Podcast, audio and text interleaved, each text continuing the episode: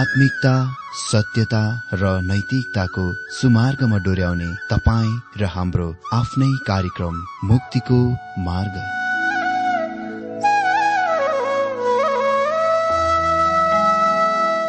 आदरणीय श्रोता यस मुक्तिको मार्ग कार्यक्रममा हार्दिक स्वागत छ। आशा छ यस आत्मिक कार्यक्रमद्वारा जीवनमा आत्मिक आशिष अलौकिक शान्ति र आनन्द प्राप्त गर्नुहुनेछ। र जीवनमा धन्य अनुभव गर्नुहुनेछ। आउनुहोस् श्रोता मन र आत्माको तयारीको लागि यो मिठो अनि मधुर भजन गीत सुनौ।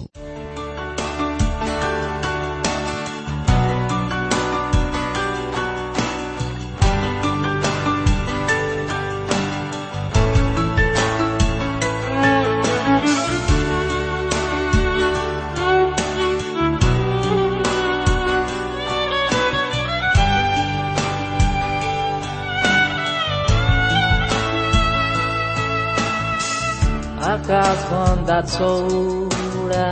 छ। सागर भन्दा गहिरो छ। पहाड भन्दा अग्लो छ। तपाईँको प्रेम।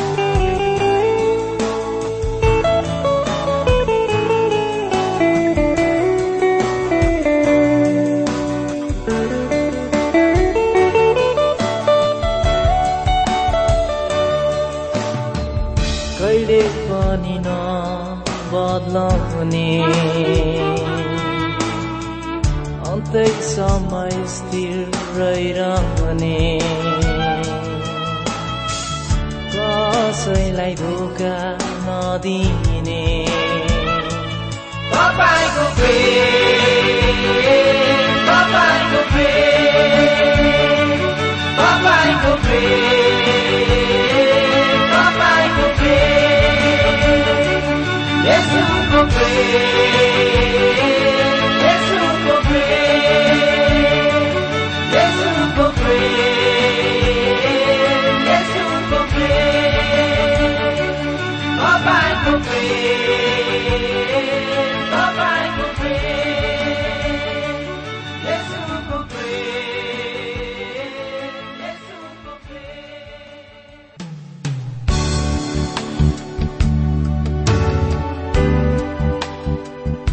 प्रिय श्रोता यो प्रसारण मार्फत यो अवगत गराउन चाहन्छौ कि प्रभुको सेवाको लागि यहाँहरूको साझेदारी नित्यन्त आवश्यकता छ। यहाँहरूले प्रार्थनाको साथसाथै आर्थिक सहायता गर्न अनुरोध गर्दछौ। तपाईँहरूको सानो भन्दा सानो भेटी किन नहोस्? हामी प्रभुको नाममा स्वीकार गर्नेछौ। प्रभुको सेवाको लागि। तपाईँहरूको यो सानो लगानीले कसैको जीवनमा भिन्नता ल्याउँछ? अनि प्रभुको महिमा हुन्छ। प्रभु तपाईँहरूलाई महान गरी आशिष दिनुहुनेछ।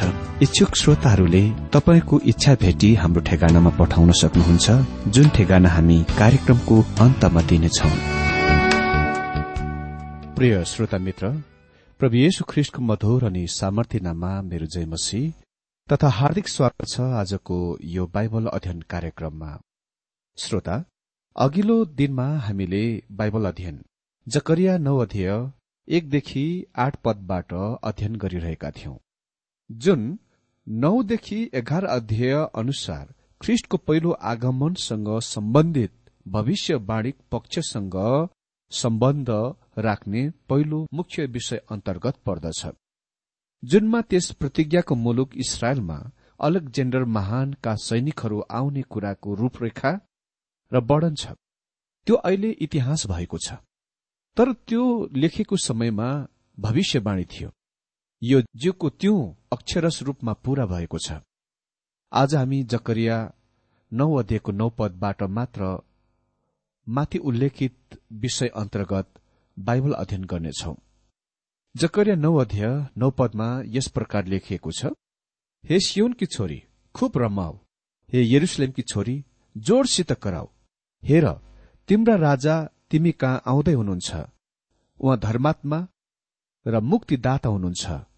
उहाँ भला हुनुहुन्छ र गधामाथि अर्थात् गधाको बच्चा एउटा बछडामाथि सवार भएर आउँदै हुनुहुन्छ। मित्र यो पद शास्त्रमा अर्को एक अति नै उल्लेखनीय पद हो। सामान्य गरी हामी यसबाट खजुरको आइतबार वा पाम सन्डेको सन्देश सुन्छौं। किनभने यसले राख्नुपर्ने सरोकार यरुसलेममा ख्रिस्टको विजय प्रवेश भनाउँदो कुरासँग छ। मित्र म यस पदमा निकै लामो समय बिताउन चाहन्छु भन्नु नै पर्दा आजको हाम्रो अध्ययनमा खालि यस नौ पदबाट मात्र वचन अध्ययन गर्नेछौ। हुन्छ? किनभने यो चाबी पद हो। यो त्यो कुरा हो जुनमा भविष्यवाणी निर्भर छ। म आशा गर्दछु कि तपाईँ मलाई बडो होसियारीको साथ यो पूरा अध्ययनमा पछ्याउनुहुनेछ। म सर्वप्रथममा यो कुरातिर तपाईँहरूको ध्यान खिच्न चाहन्छु कि यहाँ उल्लेखित मुक्तिदाताको असल अनुवाद विजय छुटकारा रूपमा हुनेछ। उहाँ राजा हुनुहुन्छ जसले विजयलाई ल्याइरहनु भएको छ। र जो छुटकारा दिन आइरहनु भएको छ। यद्यपि सुसमाचार लेखकहरूले येशु ख्रिष्टको विजय प्रवेश भनाउँदो कुराको रेकर्ड गरे तापनि खालि मतीको पुस्तकले मात्र जकरियाबाट उद्धृत गर्छन्।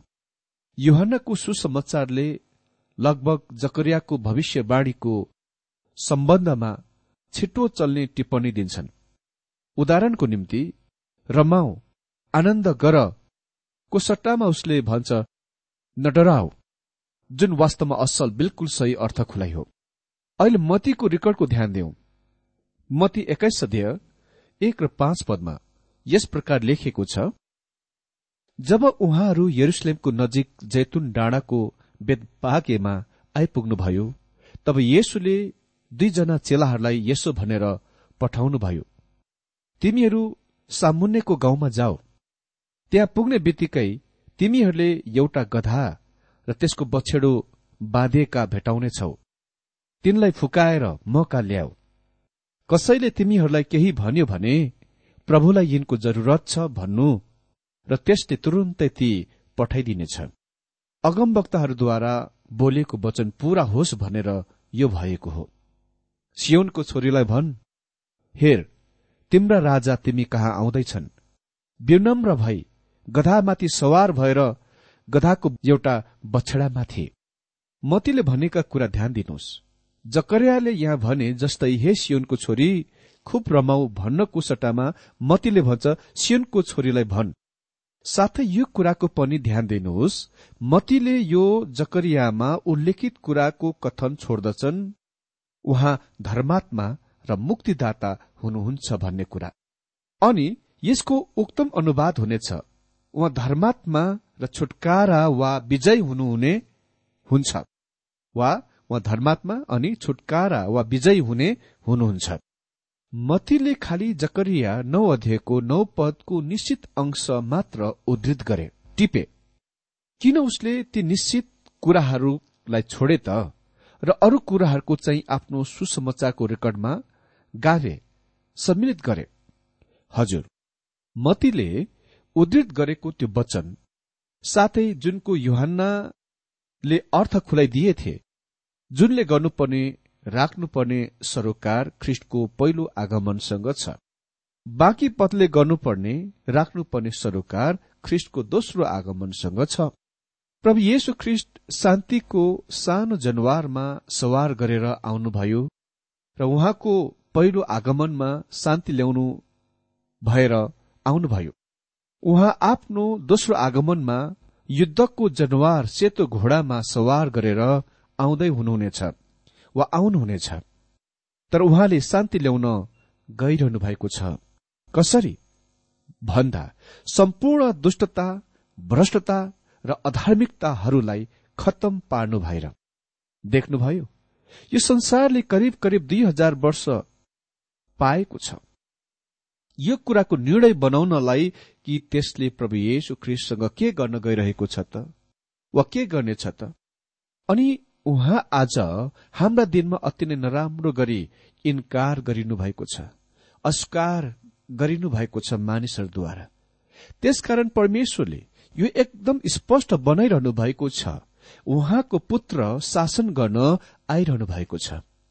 उहाँ पहिलोपल्ट हाम्रा छुटकाराको निम्ति मर्न आउनुभयो तर अर्को पल्ट चाहिँ उहाँ शासन गर्न आउनुहुनेछ। यो नै एक त्यस्तो कुरा थियो। मलाई निश्चयता छ यसले जकरियालाई अलिकता अलमल पार्यो। यसले अझ धेरै मानिसहरूलाई आज पनि अन्यल बनाइरहेको छ। तर सिमन पत्रुसले यो बिल्कुल स्पष्ट बनाए खालि जकरिया मात्र होइन। तर अरू भविष्य वक्ताहरू पनि अन्यल अलमल भएका थिए। पत्रुसले लेखे पहिलो पत्रुस एक अध्ययको दश र एघार पदमा तिमीहरूका निम्ति हुन आउने अनुग्रहको विषयमा अगमबाड़ी बोल्ने अगमवक्ताहरूले यही मुक्तिको खोजी र तलास गरेका थिए।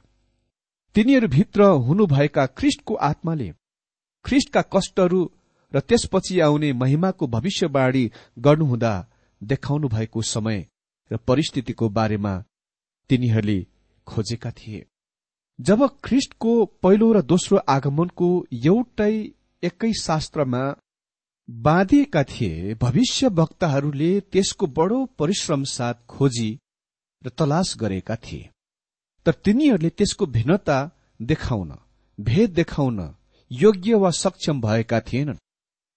तिनीहरूले खालि त्यसको बिल्कुल त्यही तरिकामा लेख्नु मात्र परेको थियो जसरी परमेश्वरको आत्माले त्यसको दिनुभएको थियो। यद्यपि तिनीहरू आफैले चाहिँ त्यसको बुझेका थिएनन्। परमेश्वरको आत्माद्वारा सिमोन पत्रुसले त्यसको भिन्नताको स्पष्ट बनाउँछन्। ख्रिष्ट एकपल्ट दुःख कष्ट भोग्न आउनुभयो छुटकारा ल्याउन आउनुभयो। अर्को पल्ट उहाँ यो पृथ्वीमा महिमामा शासन गर्न आउनु हुनेछ। मतीले परमेश्वरको पवित्र आत्माद्वारा त्यस भिन्नताको बनाउन योग्य भए सक्षम भए। ताकि जकरिया नौ अध्ययको नौ पदको उसको उद्धृतमा खालि त्यस पदको खण्ड वा भागलाई प्रयोग गरे जुनले ख्रिस्टको पहिलो आगमनको मात्र बताउँदछ। मित्र स्पष्ट रूपले भन्नुपर्दा म सोच्दछु कि मण्डली चर्चहरूले यसको गलत उपाधि वा नाम दिए विजय प्रवेश भनेर। यसै प्रसंगमा म महासेनापति डगलस मार्क आर्थुरको सम्बन्धमा उदाहरण दिन चाहन्छु जुन मैले उसको जीवन कहानीमा पढेथे। जब डगलस दोस्रो विश्वयुद्धको अन्तपछि जापानबाट आफ्नो देश अमेरिकामा आए आउँदाखेरि उसलाई विमानस्थलबाट होटलसम्म तेजसँग लगियो जुनमा तिनीहरूले सोचे उसको आगमनको बारेमा सार्वजनिक रूपमा थाहा नलागोस्।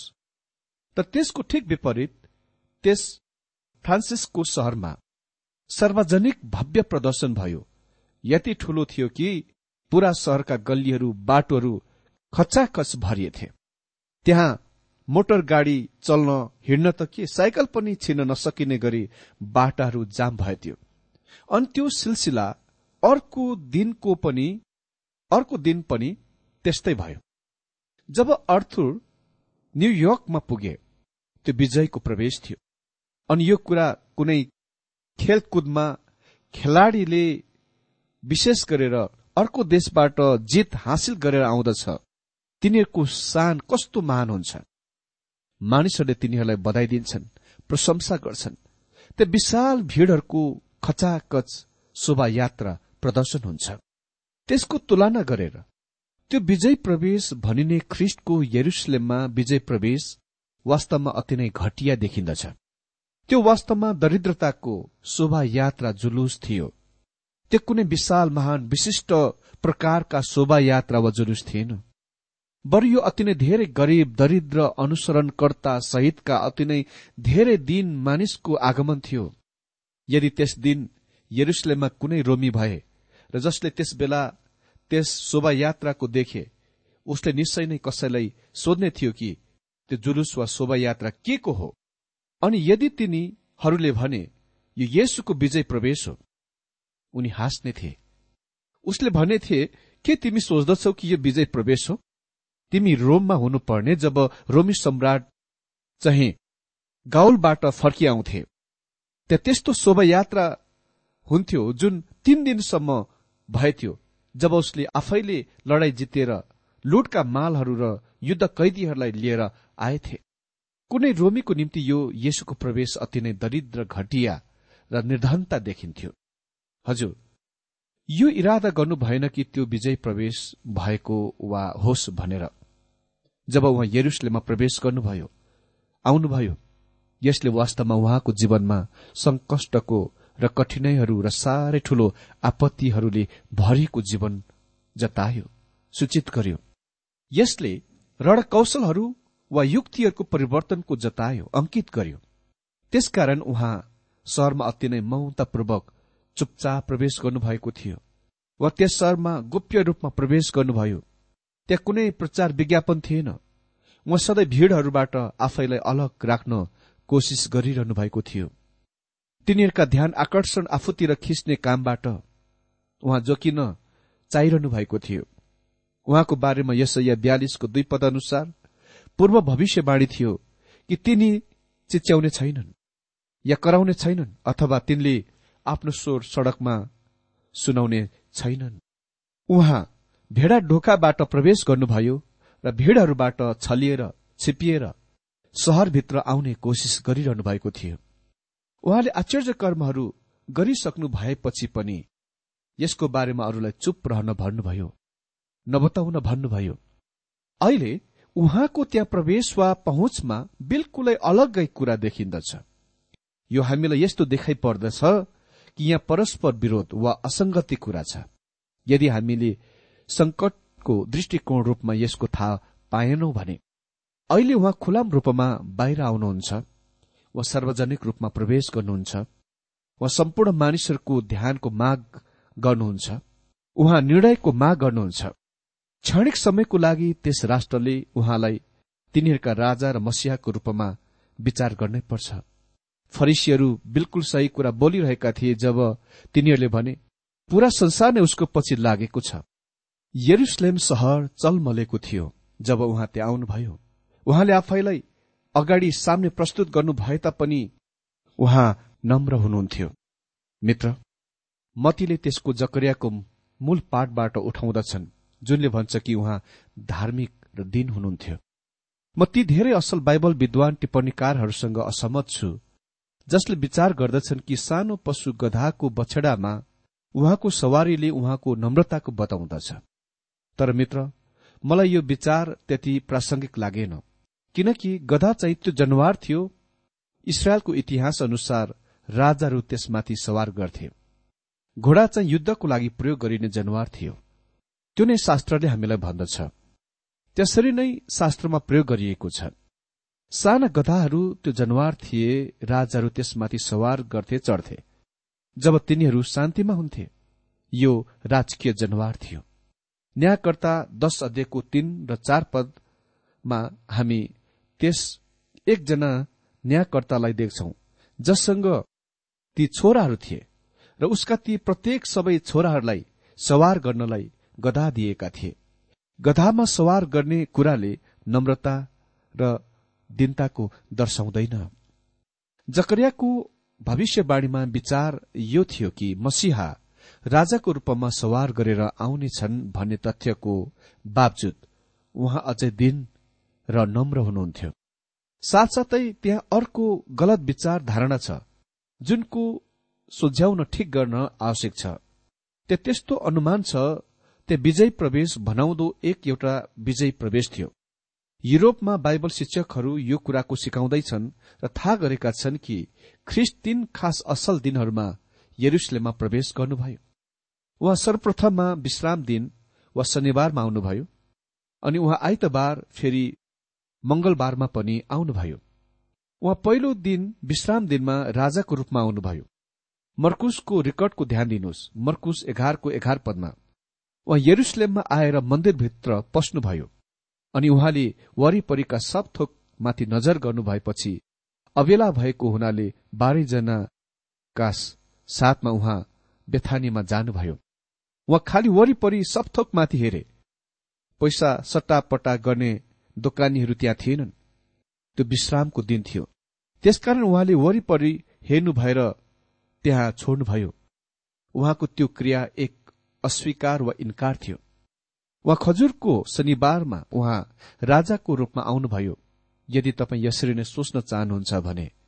त्यसपछि जब उहाँ आइतबारमा आउनुभयो जुन हप्ताको पहिलो दिन थियो पैसा सट्टापट्टा गर्नेहरू मन्दिरमा थिए र त्यस दिनमा उहाँले मन्दिरको शुद्ध पवित्र गर्नुभयो। मती एक्काइस अध्ययको बाह्र पदमा पढ्छौ येशु परमेश्वरको मन्दिरमा प्रवेश गर्नुभयो अनि उहाँले मन्दिरमा किनबेच गर्ने सबैलाई धपाउनुभयो र पैसा साट्नेका टेबल र परेवा बेच्नेहरूका आसन पल्टाइदिनुभयो। यो एकदमै उल्लेखनीय कुरा हो। यो मात्र एक त्यस्तो क्रिया हो जुनको उहाँले पुजारीको रूपमा पूजा गर्न पूरा गर्नुभएको थियो जब उहाँ यो पृथ्वीमाथि आउनुभयो। हिब्रूको लेखकले यो स्पष्ट पार्दछन् कि उहाँ यस पृथ्वीमा पुजारी हुनुहुन्थ्यो। हिब्रू आठको चार पदमा भनिएको छ उहाँ यस पृथ्वीमै हुनुहुँदो हो त उहाँ पुजारी हुनु हुने नै थिएन। किनभने व्यवस्था बमोजिम भेटी चढाउने पुजारी त छँदै छैन। कुनै पनि पुजारीले मन्दिरको शुद्ध गर्न साहस गरेनन्। तर उहाँले गर्नुभयो जब उहाँ खजुरको आइतबारमा मन्दिरमा वापस फर्की आउनु भएको थियो त्यसपछि उहाँ सोमबारमा फर्की आउनुभयो। अनि आउँदै गर्नुहुँदा बाटोमा उहाँले अन्जिरको रूखलाई श्राप दिनुभयो। मती एक्काइसको तेत्तीस पदमा उहाँ मन्दिरमा प्रवेश गर्नुभयो अनि उहाँले शिक्षा दिनुहुँदा मुख्य पुजारीहरू र जनताका धर्मगुरूहरू उहाँका आए र भने कुन अधिकारले तिमी यी कुराहरू यी कामहरू गर्छौ? र कसले तिमीलाई यो अधिकार दियो? यो कुराको ध्यान देऊ कि यो दिनमा उहाँले सिकाइरहनु भएको थियो। वा परमेश्वरको बारेमा बोलिरहनु भएको थियो। वा परमेश्वरको भविष्य वक्ता हुनुहुन्थ्यो। त्यस समयमा उहाँले विरोधको पाउनुभयो उहाँले शत्रुहरूलाई चुपचाप गराउनुभयो उहाँ परमेश्वरको आवाज हुनुहुन्थ्यो। उहाँले भन्नुभयो जसले मलाई देखेका छन् उसले पितालाई देखेका छन्। निश्चय नै यो पनि सत्य हो जसले उहाँलाई सुनेका छन् उसले पितालाई सुनेका छन्। यसरी तपाईँ देख्न सक्नुहुन्छ ख्रिस्टको यरुसलेममा प्रवेश खालि एकपल्ट मात्र थिएन तर तीनपल्ट थियो। त्यस इसरायल राष्ट्रको जातिको सामने उहाँको अन्तिम प्रकटता उहाँको तीन खालको कार्यभार अर्थात भविष्यवक्ता पुजारी र राजामा थियो। हामीले देखिसकेका छौं कि उहाँको प्रवेशलाई विजय प्रवेशको अर्थ दिन त्यति उचित देखिएन। तर के त्यो वास्तवमा प्रवेश थियो त? अह वास्तवमा उहाँ बाहिर निस्किरहनु भएको थियो भित्र पसिरहनु भएको थिएन। उहाँले यरुसलेमका सम्पूर्ण बासिन्दाहरूलाई लिएर राजाको रूपमा शासन गर्न प्रबन्ध चाँजो मिलाइरहनु भएको थिएन। उहाँले आफ्ना चेलाहरूलाई निस्तार चाडमा मनाउन कोठाको लागि प्रबन्ध गर्न पहिले पठाउनु भएको थियो। तर उहाँले पुरै ठूलो बिल्डिङ भाडामा लिन पठाउनु भएन। उहाँले आफ्नो शासनको निम्ति तयार गरिरहनु भएको थिएन। उहाँले आफ्नो कष्ट दुःख यातना आफ्नो मृत्युको संकटपूर्ण समयको लागि तयार गरिरहनु भएको थियो। यरुसलेममा उहाँको प्रवेश एकोरो यात्राको टिकट थिएन तर चारैतिर सबै जग्गाको टिकट थियो। यो त्यस कार्यक्रमको भाग थियो जुनले उहाँको मृत्यु उहाँको पुनरुत्थान उहाँको स्वर्गीय रहण उहाँको अन्तर्विन्ती बादलमा उहाँको आगमन र अन्तिममा राजाको रूपमा उहाँको आगमनतिर अगुवाई गर्दछ। वास्तविक तथ्य यो हो कि विजयको गोरेटो बेथानीदेखि यरुसलेमसम्म सानो गधामा सवार गर्ने कुरामा सीमित गर्न सकिँदैन। त्यो त खालि त्यस यात्रा सवारीको सानो अंश मात्र हो जुन भूतकालीन अनन्ततामा आरम्भ भएथ्यो। जब संसारको उत्पत्ति भन्दा पहिले मारिएको थुमा हुनुहुन्थ्यो र अनन्तताको भविष्यतिर बढ्दछ।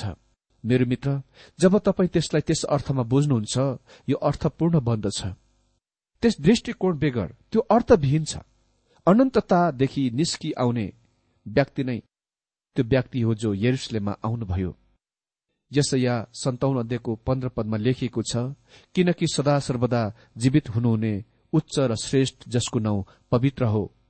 अनि भजन संग्रह नब्बेको दुई पदले भन्छ अनादिदेखि अनादि परमेश्वर तपाईँ नै हुनुहुन्छ। चर्च वा मण्डलीले यसलाई विजय प्रवेश भन्दछ तर म सोच्दछु यो विजय प्रस्थान वा निर्गमन हो।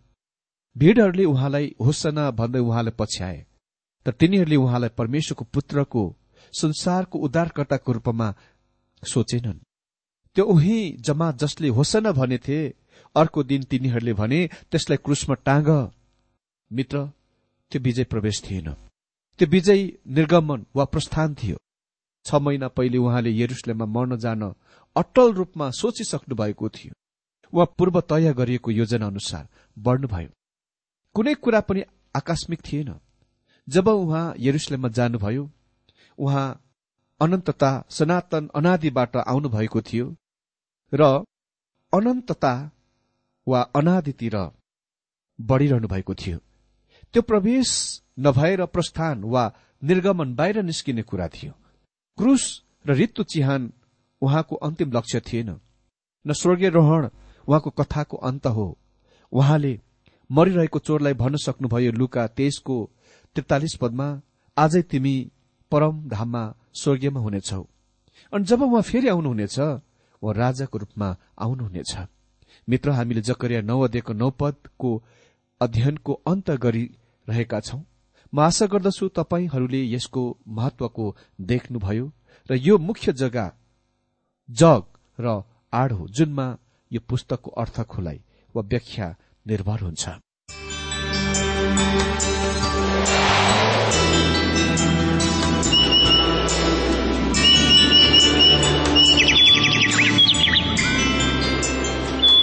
प्रिय श्रोता अहिले भर्खरै तपाईँले टीडब्ल्यूआर नेपालद्वारा सञ्चालित आत्मिक कार्यक्रम मुक्तिको मार्ग सुनिरहनु भएको थियो। श्रोता आजको यो कार्यक्रम सुनेर तपाईँलाई कस्तो लाग्यो? यदि यो कार्यक्रम सुनेर मनमा कुनै खुल्दुली वा कुनै प्रतिक्रिया अर्थात सुझावहरू छन् भने हामीलाई पत्रद्वारा लेख्न सक्नुहुनेछ।